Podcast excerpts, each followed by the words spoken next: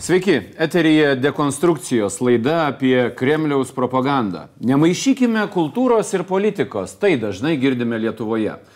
Kultūra, žinoma, kultūrai nelygų, bet šiandien kalbėsime apie rusišką kultūrą, kuri gali turėti visai kitus tikslus. Apie tai kalbėsime su Eitvidu Bajarūnu, ambasadoriumi ypatingiams pavedimams, hybridinėms grėsmėms. Sveiki, ambasadoriu. Sveiki, gyvi. Taip pat mūsų studijoje Lietuvos kariuomenės propagandos analitikas Tomas Čiaponis. Sveiki, gyvi. Ir pirmą pradėkime nuo animacinio filmuko, kuris populiarus ir Lietuvoje - Maša ir Lokys. Ух, я такая боевая! На границе хмуро ходят тучи. На границе ходят туча хмуро. На границе... Viso nežiūrėsime, laikas brangus. E, Pone Čiaponė, NKVadisto čia kepuraitė, man atrodo, netgi, ne tik kad kario. Taip, jeigu kalbėti apie animaciją, tai dėja turim nu visus nuvilti, kad animacija tikrai nėra vien tik tai produkcija vaikams. Animacija, ko gero, nuo pat savo uh, naudojimo pradžios buvo naudojama taip pat ir propagandai. Šiai dieną mes turime ir mokslinių tyrimų, turime ir knygas išleistas, nes tuo metu, kai neturėjom geros video montavimo programų ir įrangos, jeigu mes norėtum nupiešti kažką, ko realybėje nėra, tai tik animacija mums ir galėjo padėti. Taigi nuo pat uh, susikūrimo pradžios tai buvo išnaudojama propagandai. Ir vėliau, jeigu kalbant apie Lietuvą, aišku, sovietinė animacija labai didelį poveikį darė ir labai ilgai jau Rusijos federacija išnaudojo sovietinę animaciją ir jinai buvo įkeliama į varias skirtingas platformas, kad žmonės ją galėtų lengvai pasiekti, ją matyti ir kad tai būtų visiškai uždyka. Na, vėliau, aišku, mes pastebėjom, kad ant sovietinės animacijos jie jau toli nenuvažiuos ir reikia naujo stiliaus produktų. Kartos pasikeitė. Taip, skoniai pasikeitė, kartos pasikeitė, esam labiau išlepinti Hollywoodo produkcijos ir štai tą sovietinę animaciją toliau nebevežė. Todėl reikėjo kurti naujus produktus ir iš tikrųjų daug galima kalbėti apie šitą animacinį filmą. Jis buvo pabandytas, vėliau buvo pristatytas kaip produktas ir vėliau be abejo jis gavo finansavimą, kadangi buvo patrauklus ir dabar jisai labai plačiai rodomas visam pasauliu. Tai tikrai nėra tik tai Rusijos vidiniai rinkai skirtas produktas, nes tą galima lengvai patikrinti įvairiausią peržiūros platformose. Jis yra tikrai žiūrimas ir Pietų Amerikoje, ir Italijoje, ir begalė kitų valstybių, skaitant ir Lietuvoje. Na ir aišku, mes galime matyti kaip ir šitam pavyzdyje, matome jėgos struktūrų, tam tikrus simbolius, matome sovietinius simbolius, bet grėsmė ko gero nėra čia pagrindinė. Tai nėra kažkokios paslėptos technologijos, kažkokios psichologinės operacijos. Pagrindinis tikslas yra tai išnaudoti minkštai gali. Trumpai tariant, agresyvius valstybės veiksmus maskuoti štai tokiais patraukliais e, personažais. Na ir manau, tiek Maša kaip vardas, tiek Lokys kaip simbolis be abejo atspindi uh, Rusiją. Dar vienas filmukas, trumpa ištrauka ir po to e, pakalbėsime plačiau dar e, apie animaciją ir tą fenomeną, e, kurį skleidžia Rusija visame pasaulyje, tarp jų ir Lietuvoje, nes Maša ir, ir, ir Lokys galime nusipirkti žaislinius juos visose žaislų parduotuvėse Vilniuje ir taip toliau. Bet kitas filmukas, man atrodo, dar įspūdingesnis. Tai yra linksmieji meškučiai. Заходи, заходи. Сейчас добудем из тебя огонь и будем яичницу жарить. Ха, это страусиная. Клади на сковородку. Ирбин готов.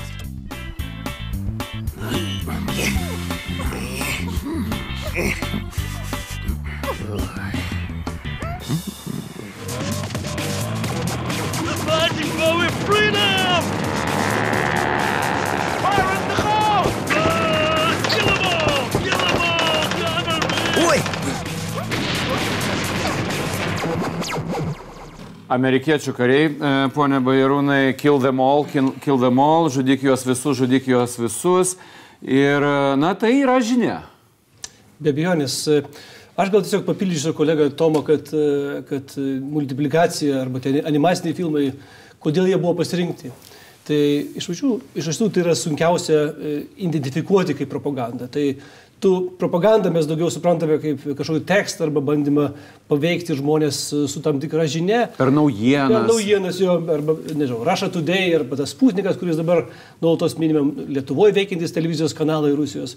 Ir mes niekada nepagalvojom, kad kultūra, būtent paties ir, ir tas pasiūlymas kalbėti apie kultūrą, politiką, kultūrą, propagandą, poveikio priemonės ir atspindi tą naują požiūrį, kad iš tiesų šaliai, kuri, Rusija, kuri nėra ką pasakyti daug ir jie bando tas žinutės įterpti į tą kultūrą, kuri visą laiką buvo gerbiama. Rusai kultūra, jeigu mes atsidam 19 amžių, rašytojus, teatrą, muziką, atrodo, ką čia ber, ko mes čia galim eiti prieš tą kultūrą. Muzika, Muzika, literatūra, visas vienas- pasaulis džiaugiasi, ar ne? 19, netgi 20 amžiaus pradžios. Nes jeigu dabar kalbė, kalbė apie Rusiją kaip valstybę, kuri e, vykdo piktybinius veiksmus, ir žmonės sako, nu, matome, kad iš tiesų kišasi rinkimus, yra, yra daug pavyzdžių, e, finansuoja radikalias politinės partijas, lyg tai tas jau spektras pasaulyje yra aptartas.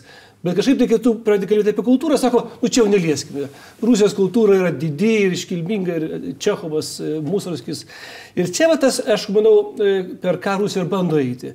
Įpakuoti į tai kažkokią tai lyg tai nekaltą, e, nekaltą formą, įdėti tą patį turinį. Nes turinys tas pats. Skiepyti žmonėm antiameriko- antiamerikonizmą, Europą žlunganti, Rusija yra didi. Ta pati mes matom horizontaliai einant per visas Rusijos poveikio priemonės. Ar čia būtų propaganda, ar čia būtų rašytiniai tekstai. Europa žlunga, Europa yra žlugęs projektas, lietuvi, ko dar čia tu balsuoji už tą Europą ir ta žinia eina. O kas, aišku, baisiausia su ta mūsų ma- matytas vaizdais, tai eina vaikui. Ir čia tas, aišku, Tomas gal taip atsargiai paminėjo, kad čia nėra psichologinė operacija, mums iš tiesų reikėtų įrodymų, kad čia būtų operacija. Bet tai, kad yra toks e, nekaltai koduotas tekstas, bandomas į vaiko smegenis įlysti, tai jau yra kažkiek tai galima vadinti poveikio priemonė. Gal tokį vieną pavyzdį apie, apie išplitimą, tai man dirbant Švedijoje e, prieš vat, kažkiek metų kaip ambasadoriui, lankausi keliuose lietuvių šeimose arba negi mišriuose ir jie savo vaikui rodo tą mašanką. Ir man toks klausimas, o kodėl? Sako, nu, mano vaikas žiūrėjo va, švediškus filmukus, nelabai, Hollywoodas, o čia labai priimtina. Kadangi mes namuose Vilniui arba viešėjom pas savo senelius ir tesinys. Ir man mintis, netgi atrodo ta išsaugota Lietuvos dalis mažiau paveikta propagandos, gyvenant imigracijoje, mes taip suprantame, įsivaizduojam, bet jinai yra testinai paveikiama. Ir čia, aišku, didžiausias tas e, e, pasiekimas Rusijos, tai kad e, ne, nebūtinai ta buvusi SSR, nu, kaip, Lietuvo, Lietuva kaip buvusi okupuota teritorija, bet ir kitos šalis kaip, kaip, kaip vėžys bandoma paveikti. Būtent hybridinės priemonės, poveikio priemonės, propaganda ir tas yra vėžys. Va, tai va tas geriausias žmogui suprantamas. Taip, ką Rusija e, gali e, padaryti kultūros srityje ir kaip ji naudoja kultūros lyderius, e, kitas pavyzdys ir čia jau yra visiškai viskas akivaizdu. Po Krymo aneksijos daugiau nei 500 garsių Rusijos kultūros veikėjų pasirašė viešą laišką palaikydami Vladimiro Putino veiksmus prieš Ukrainą. Российские деятели культуры, артисты театра, кино, музыканты написали открытое письмо в поддержку позиции Владимира Путина по Украине и Крыму. В тексте говорится о том, что они не могут оставаться равнодушными к судьбе братского народа и что общность наших культур должна иметь прочное будущее. Среди подписавшихся Геннадий Хазанов, Олег Табаков, Валерий Гергиев, Михаил Боярский, Сергей Безруков, Николай Расторгуев и другие известные россияне. Текст письма опубликован на официальном сайте Министерства культуры. Taigi, pavardės įspūdingos, dar keletas video. Lietuva. e, 2012, sausio 13, iškart po Rusijos agresijos Gruzijoje, Pu- Putino bičiulis Gergievas, kurio pavardę ką tik girdėjome tarp pasirašysių jau vėliau, surengė koncertą Žalgirio arenoje.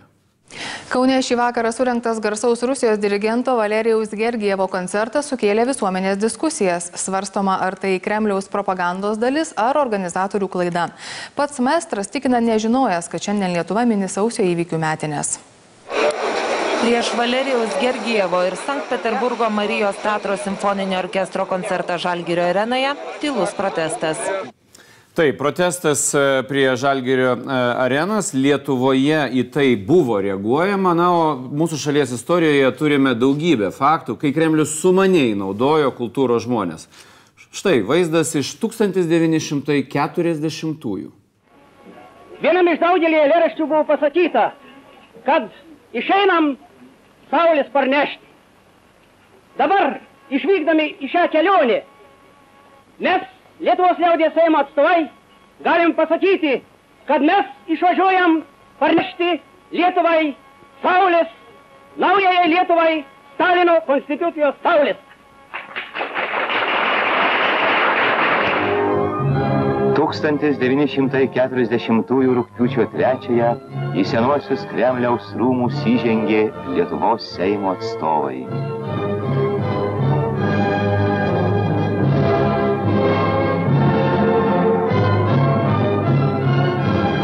Lenino šalies aukščiausiosios tarybos deputatai drauge su mumis sprendė tolimesnį Lietuvos likimą. Kremliaus skliautais nuėdėjo lietuviškas poetinis Salomėjos nerie žodis. Skambėjo lakštingalos balsas. Didvyrių kelias, kovotojų kelias, ten žadina žygiui, laimėjimui kelią, laisvuosius тарейгу vaikus. И вот земля заговорила разливом мощных голосов. Бурлит в них молодость и сила, ломая прошлого засов. Taigi, e, žymus rašytojai, matėm ir Cvirką fone, ir kitus žmonės. Gal dar vieną video, dešimties metų senumo klipas, e, taip gana primityviai perdaryta Briuso Springstino Born in the USA, bet, bet kuriuo atveju energetika e, visiškai akivaizdi. Ir šis atlikėjas jau nebeįleidžiamas į Lietuvą, taigi kitas video ir tada kalbam studijų.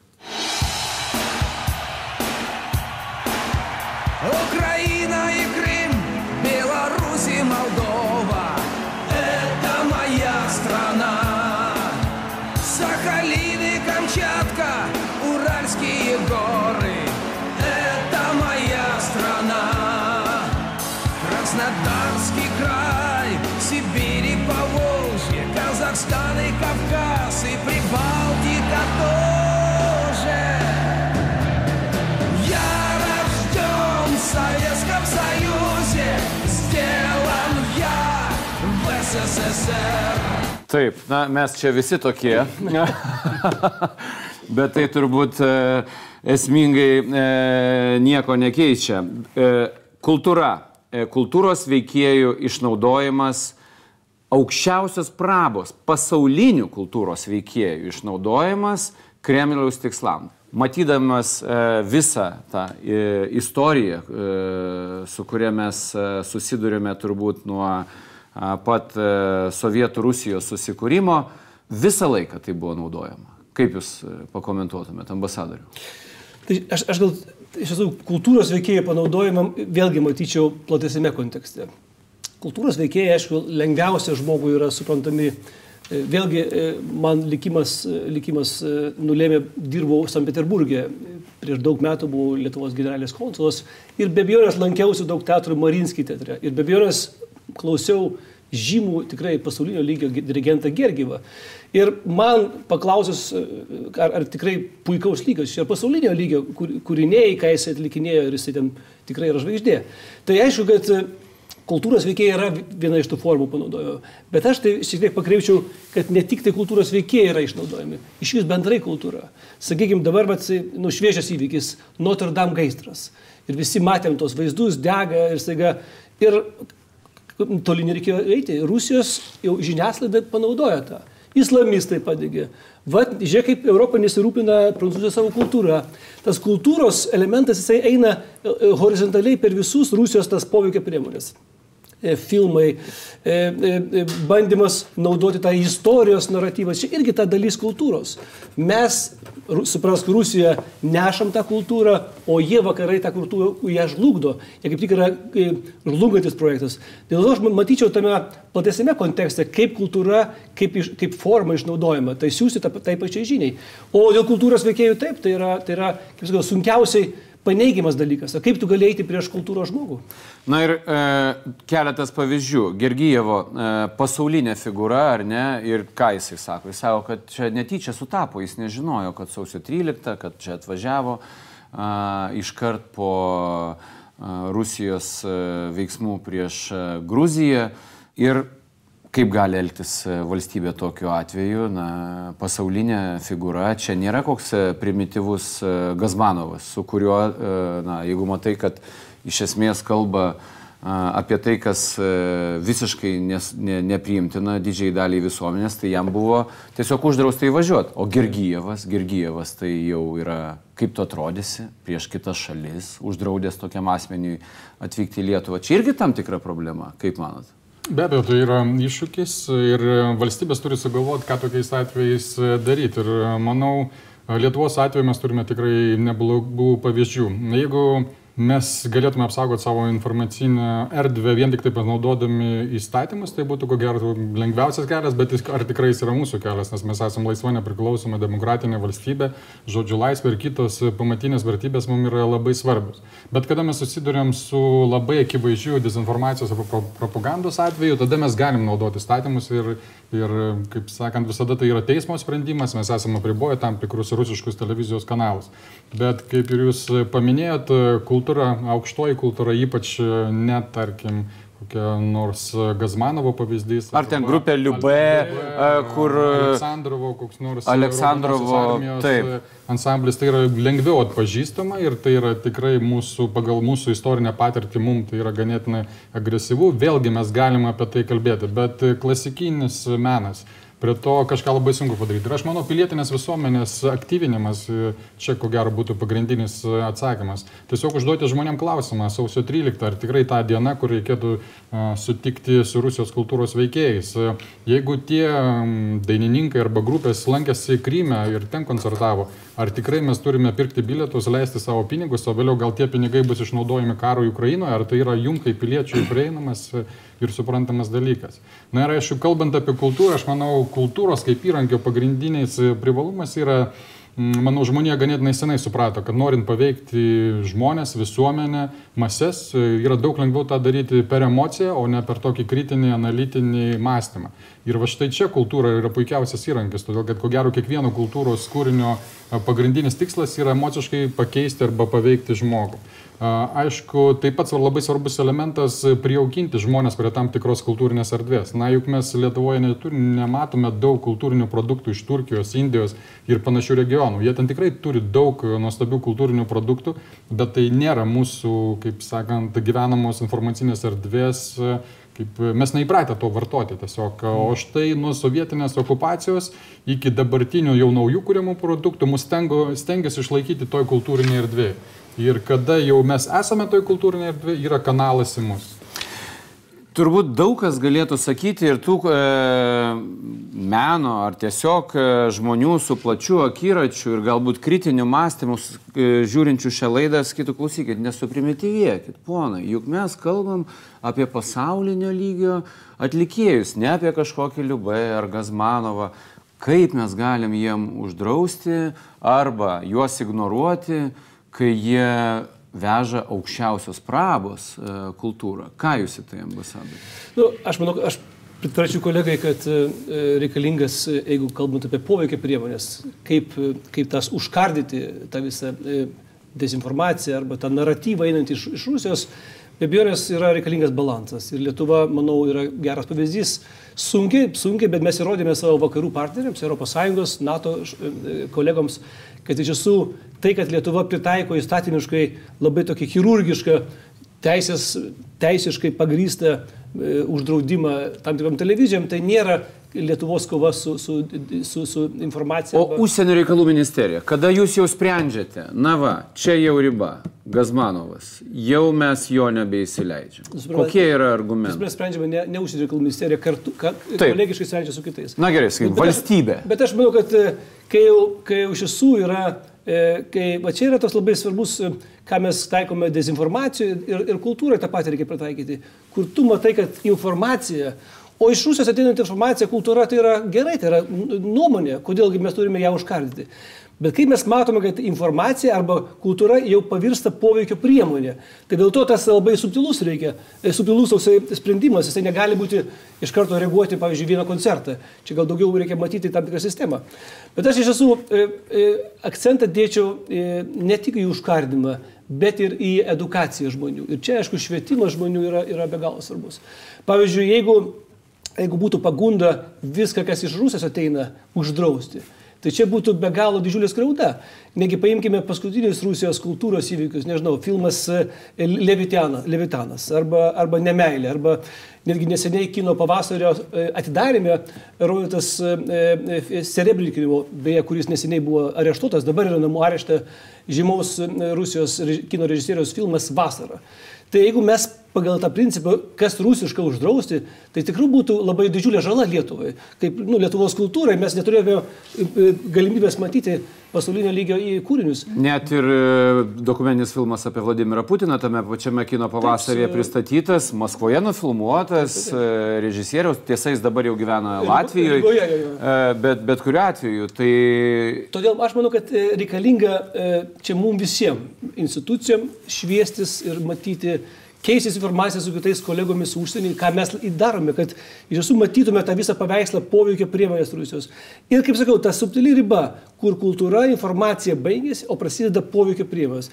Ir čia reikalingas ne užsienio reikalų minister- ministerijos tik tai specialistų, ekspertų, bet dar labiau visuomenės balsas, visuomenės ekspertizė. Nes, nes e, užsienio reikalų ministerija neturės tiek žmonių, kurie žino kiną. Reikia žmonių, kurie tikrai susigaudo kiną, kur mato, kur tas subtili riba. Jei jau pradėjom kalbėti apie kiną, Rusijos gynybos ministerija pranešė kursinti ar kūrenti savo kino studiją. Į kokia ten galėtų būti produkcija, čia tik vienas e, pavyzdys apie tą produkciją, kuri e, galimai galėtų būti kuriama kariuomenės kino studijos. Tai ištrauka iš filmo apie Krymą.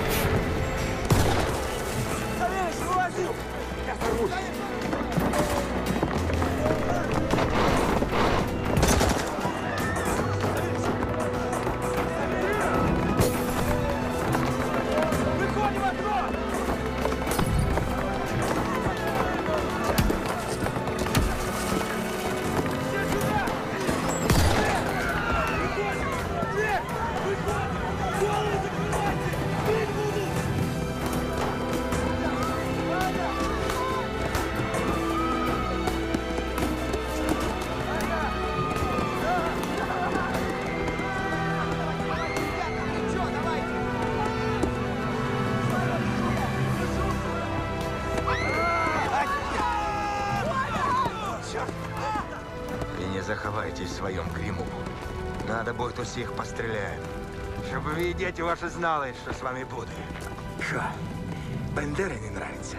Еще раз в Києві появитесь уб'ю. Зрозумів? Стоять,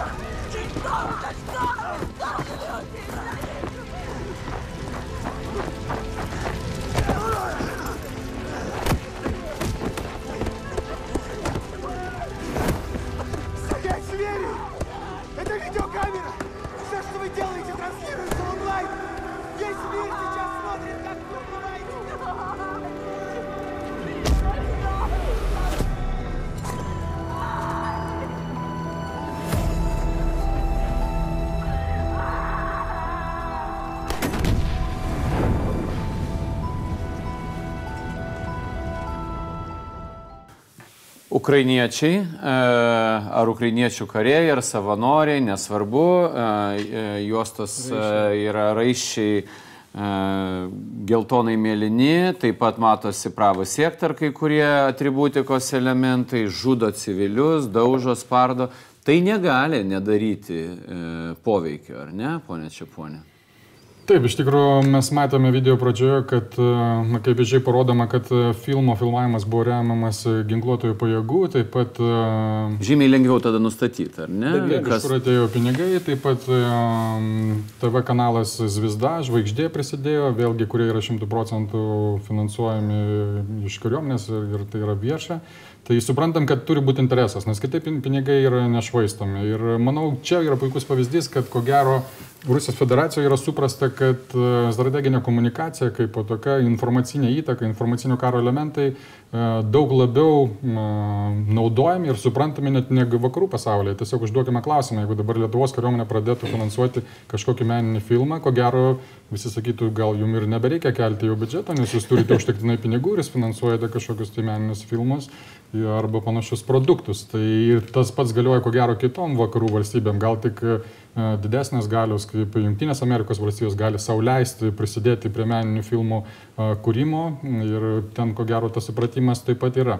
Na, aišku, jeigu pakalbėtų apie šitą filmą, tai čia yra tik viena ištrauka, bet visų pirma mums leidžiama susigyventi ir susipažinti su to filmo veikėjais, su kuriais mes pradedame savo tapatinti, mes jaučiame jam kažkokias teigiamas e, emocijas. Ir štai tada teigiami veikėjai praktiškai yra teigiamų ir teisingoje pusėje, o visi, kurie yra kitoje pusėje, yra vaizduojami kaip neigiami veikėjai veikėjai, kurie daro štai panašius veiksmus, kurie čia ir yra rodomi.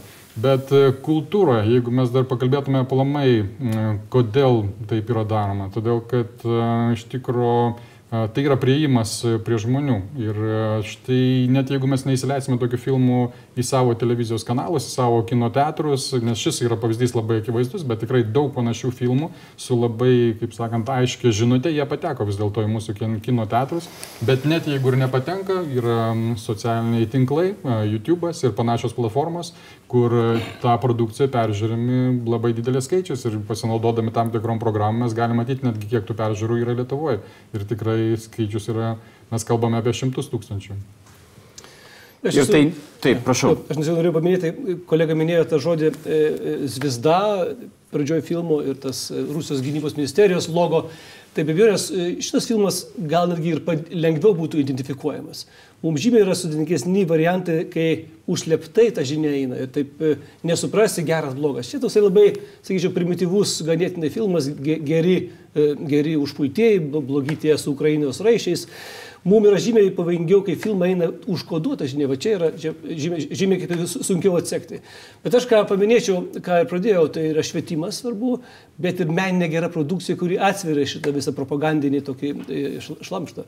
Tai, pavyzdžiui, man Ukraina ir paskutinis įspūdis yra iš Sergejos Lozinsos filmo Donbasas. Tai ten bet yra tikrai menininkas, pasaulinės e, kokybės menininkas, beje, Kanuose šitą filmą debitavo su šitą filmu Ten rodomas Donbasas ne iš propagandinės pusės, tai yra, ir, ir nėra geras blogas, sudėtinga situacija, patekę žmonės. Ir aš manau, kad vienas iš vaistų, vaistų jeigu kalbame apie vaistus, tai yra geros produkcijos platinimas. Ir Lietuva galėtų prisidėti prie tokių filmų, kad jie atsirastų. Tai ne, ne mes e, e, sponsoruotumėm propagandą, kuri nugalėtų rusų propagandą, bet mes gerą produkciją padėtume jai, jai plisti. O tai, ką kolega vėlgi minėjo apie, apie poveikio priemonės, tai mes tie, kurie studijuojam ir bandom e, surasti vaistus nuo Rusijos hybridinio veiksmų, hybridinio karo, tai turim kelias pavardės. Viena iš jų Gerasimovas, tai yra Rusijos generalinio štabo viršininkas, kuris dar 2013 metais sukūrė tą koncepciją, kuri ir vadinasi hybridinis karas. Bet dabar atsiranda naujas, naujas, nauja referencija. Prieš e, kelis mėnesius vakarus nustebino, aišku, bet, bet visi puolė studijuoti Tai artimo žmogaus Putinui Surkovo straipsnis. Surkovas e, jame rašo naują doktriną. Ir čia jau toliau negu Gerasimo doktrina. Ir jisai, pavyzdžiui, sako, ha, jūs kalbate apie Rusijos poveikį rinkimams. Ne apie tai kalbėkite. Mes jau peržygėm toliau. Mes veikiam jūsų smegenis. Ir čia yra Rusijos artimo žmogaus, kuris formuoja dabartinę rusų politiką, žinom jo koncepciją valdantį demokratiją ir ta eina koncepcija. Ir mums reikia suprasti, kažkas sėdi ir formuoja, bando formuoti mūsų smegenis. Dėl to kultūra, dezinformacija, kitos poveikio priemonės eis į tą pačią pusę. Apie labai svarbų Lietuvai momentą - krepšinį susivienyje visos tautos tam, kad įveiktų Junktinės valstijas. Filmas apie 72 metų Müncheno olimpiadą, trumpa ištrauka ir po то сугришим паскутiniai поkalbio dalį. Мы думаем, что это вы. Что скажете? Я смогу занять этот пост, если будут приняты ряд моих предложений.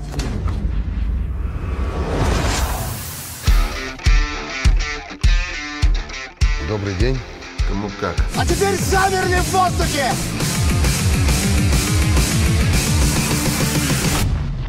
Не надо ломать то, что работает.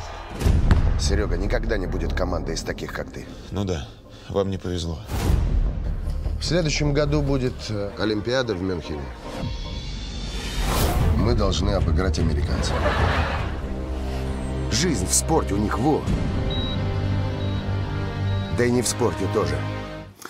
Taip, trumpa ištrauka, bet kuriuo atveju visų tautų atstovai, tarp jų Modestas Paulauskas, Sovietų sąjungos e, rinktinėje e, įveikė jungtinės e, valstijas ir čia jūs jau aiškiai matote tam tikrą žinę.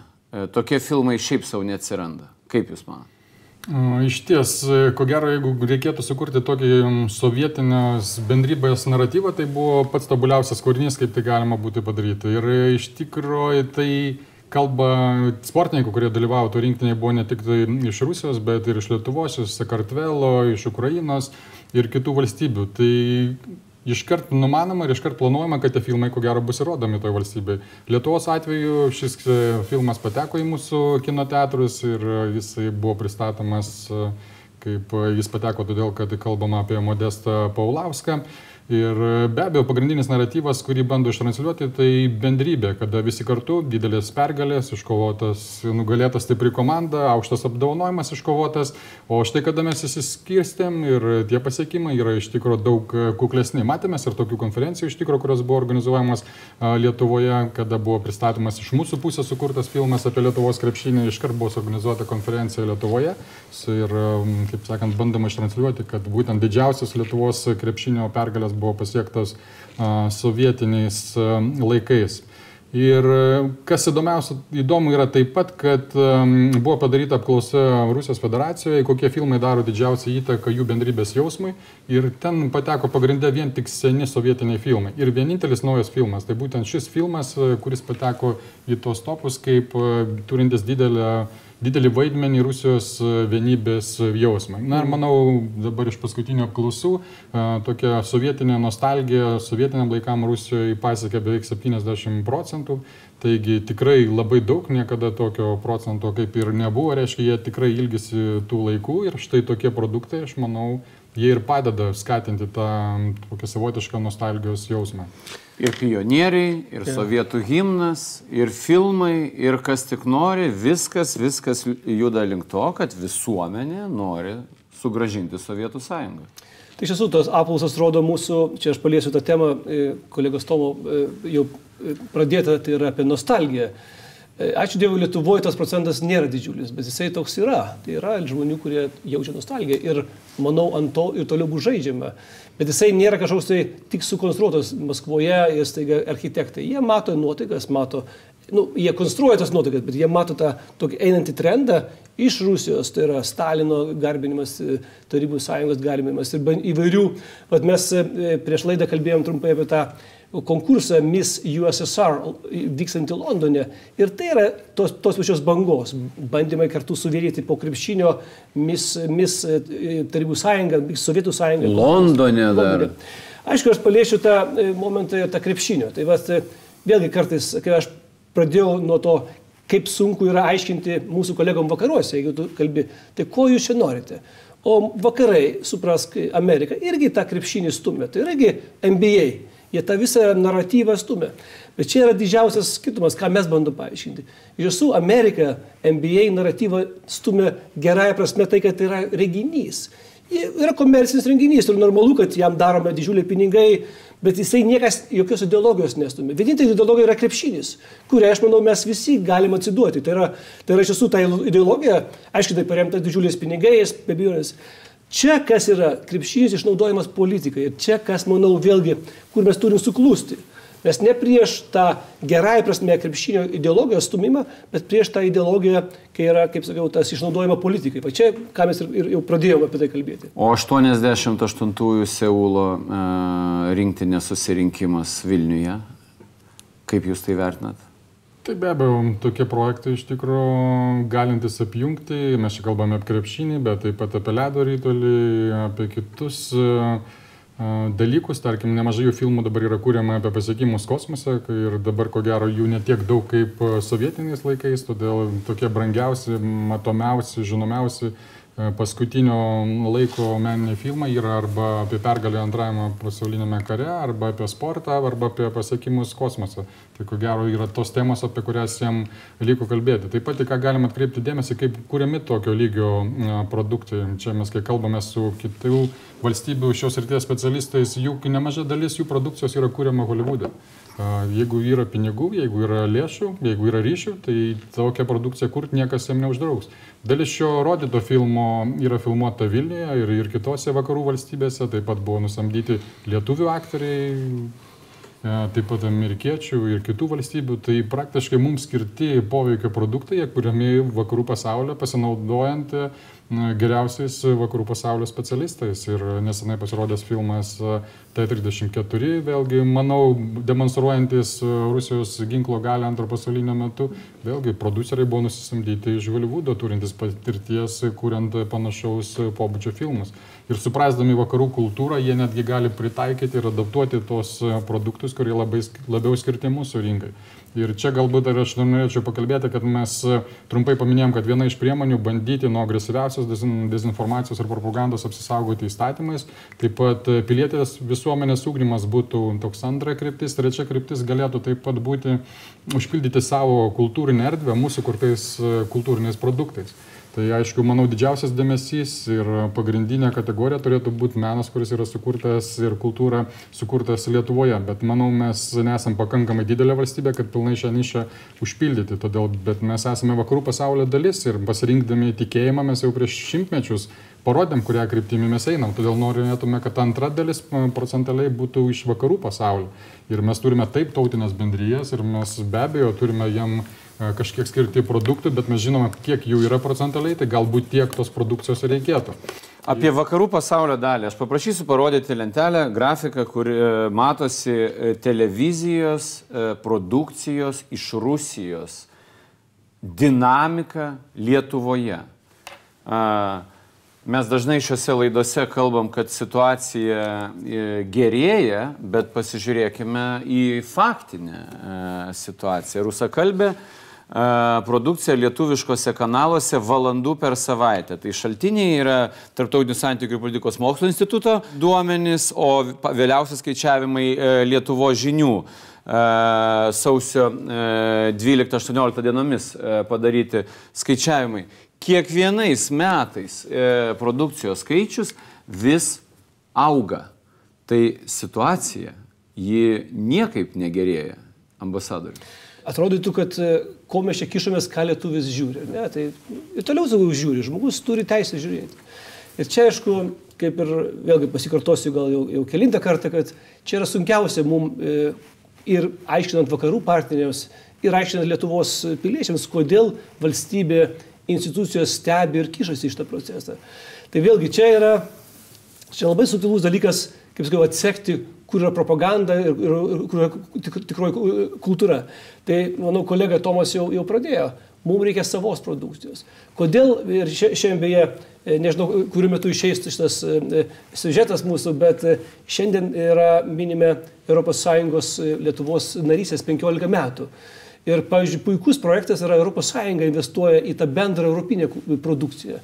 Čia ne kaip atsvara Hollywoodui, bet čia iš vis, kad Europa turi savo kultūrą, Europa turi savo vertybės ir mes turime e, daugiau jas rodyti. Man tik tai, nežinau, aišku, tie skaičiai yra, yra, yra, yra šiurpus, kai didėja Rusijos produkcijos. Man yra vienas pozityvas ir Tomas, Tomas minėjo kolega apie, apie pagrindinius naratyvus, ant ko Rusija žaidžia. Tai yra nostalgija Sovietų sąjungai, nostalgija antrajam pasauliniam karė. Ačiū Dievui, Rusija neturi ką parodyti dabar. Ir tas kažkada vis tiek baigsis, nu, nu, dar metų, dar vieną kartą. Vis tiek turim kažkokią perspektyvą. Rusija turi ką parodyti, palyginus su vakarais, kurie nuolatos kūrė, inovacijos, eina naujos technologijos. Rusija neturi ką parodyti. Kosmosas. Rusija neturi kokią referenciją Gagarinas, tai yra paskutiniai tie didžiu, didžiuliai pasiekimai. Dabar Rusijos kosmosas eina, eina į dugną. Ir todėl mums yra kaip ir toksai nu, pozityvus faktorius, kad iš tiesų ta pusė neturi ką parodyti. Deja, iš tiesų kaip sakau, iki šiol skaičiai nėra pozityvūs, produkcijos kiekis yra, yra auga. Pone Čiaponė, kaip Jūs vertinate produkcijos e, skaičiaus augimą? Akivaizdu, kad tai yra daugeliu atveju susiję su kaina, ta produkcija yra pigi, ji parduodama dideliais paketais, bet niekas nevartotų, niekas ir nepirktų, ar ne? Tai aš iš tikrųjų taip ramiai tuos skaičius nežiūrėčiau. Suprantu, kad jaunoji karta ko gero jau nusisuka po truputį nuo tradicinės televizijos ir galbūt e, štai tokios produkcijos pirkimas, įrodymas ir kaip tik dar labiau paskatina tą greitą nusisukimą nuo tradicinės televizijos, nes kiekgi galima žiūrėti Muhtarą ir, ir panašius serialus, kur kepamas šimtai serijų. Bet taip pat negalėčiau, nematydamas grėsmės, žiūrėti tokią produkciją, nors manau, tai, ką mes matome lietuviškose televizijos kanaluose, skiriasi nuo to, ką mes matome tikruose Rusijos televizijos kanaluose. Čia jie labai išmoko neperžengti tos raudonosios linijos. Mes ne vieno lietuviško televizijos kanalo nepribojam dėl rodymo rusiškos televizijos produkcijos, nes jie parenka ją tokią labiau minkštąją galę negu dezinformacija, propaganda, netikras naujienas. Taigi panaudoti įstatymų mes praktiškai negalime. Ir čia būtų toks pagrindinis skirtumas. Bet šiuo metu yra keičiami įstatymai ir vienas iš įstatymų būtų tas, kad kadangi esame vakarų pasaulio dalis, tai didžioji dalis produkcijos turėtų atkeliauti iš vakarų pasaulio, iš ES ribų, o tik tai tam tikras procentas turėtų būti iš rytų pasaulio ir, ir, ir kitų ne NATO ir ne ES valstybių. Tai manau, tai leistų truputį sumažinti šią produkciją ir aišku, siūlyčiau atkreipti dėmesį į tų televizijos kanalų komunikaciją, ką jie kalba apie šitą situaciją. Tai pirmas naratyvas buvo naudojamas, kad e, tiesiog ši produkcija yra pigesnė, mes ją perkame, mes ją rodome. Bet jeigu supaprastint šitą komunikaciją, tai atrodo taip, kad mes perkame šlamštą ir rodome jums. Tai tikrai nelabai pagarbi žiūrovui komunikacija. Komuni... Tada vėliau tai buvo pakeista kad iš tikro mes už tą pačią pinigų sumą galime pirkti produkciją, kuri pagaminta Rusijoje ir kuri yra pagaminta, tarkim, BBC. E, bet mūsų žiūrovai nori žiūrėti rusišką produkciją. Ir e, čia iš tikrųjų reikėtų nuodugnių tyrimų, bet aš tikrai tokią informaciją netikiu. Ir manau, galbūt dalis žmonių, kurie gyveno okupuotoje Lietuvoje, priprato prie tam tikrų kultūros veikėjų, prie tam tikrų žvaigždžių ir jie yra jau per, kaip sakant, senyvo amžiaus, kad jie jau keistų savo žiūrėjimo stilių, bet tikrai yra kiti žmonės, kurie jau keliauja, mato, gyvena vakarų pasaulyje ir, ir jie tiesiog nežiūri to, ką jam rodo panašus televizijos kanalai. Kągi, mūsų laikas e, šiai laidai baigėsi. Ačiū Jums už Jūsų skirtą laiką, o ar tos televizijos, kurios rodo tiek valandų, eina keliu, iš kurio nėra e, kelio atgal, man atrodo, netruks, e, netruks paaiškėti. Gana keista, aišku, matyti tokį e, augimą, aš net nesitikėjau, kad taip gali būti. Galvojau vis, kad situacija gerėja. Kągi, ačiū Jums. Ačiū žiūrėjusiems. Mes pasimatysime kitose laidose apie rusišką propagandą, apie Kremliaus propagandą Lietuvai ir kitoms valstybėms dekonstrukcijos. Iki.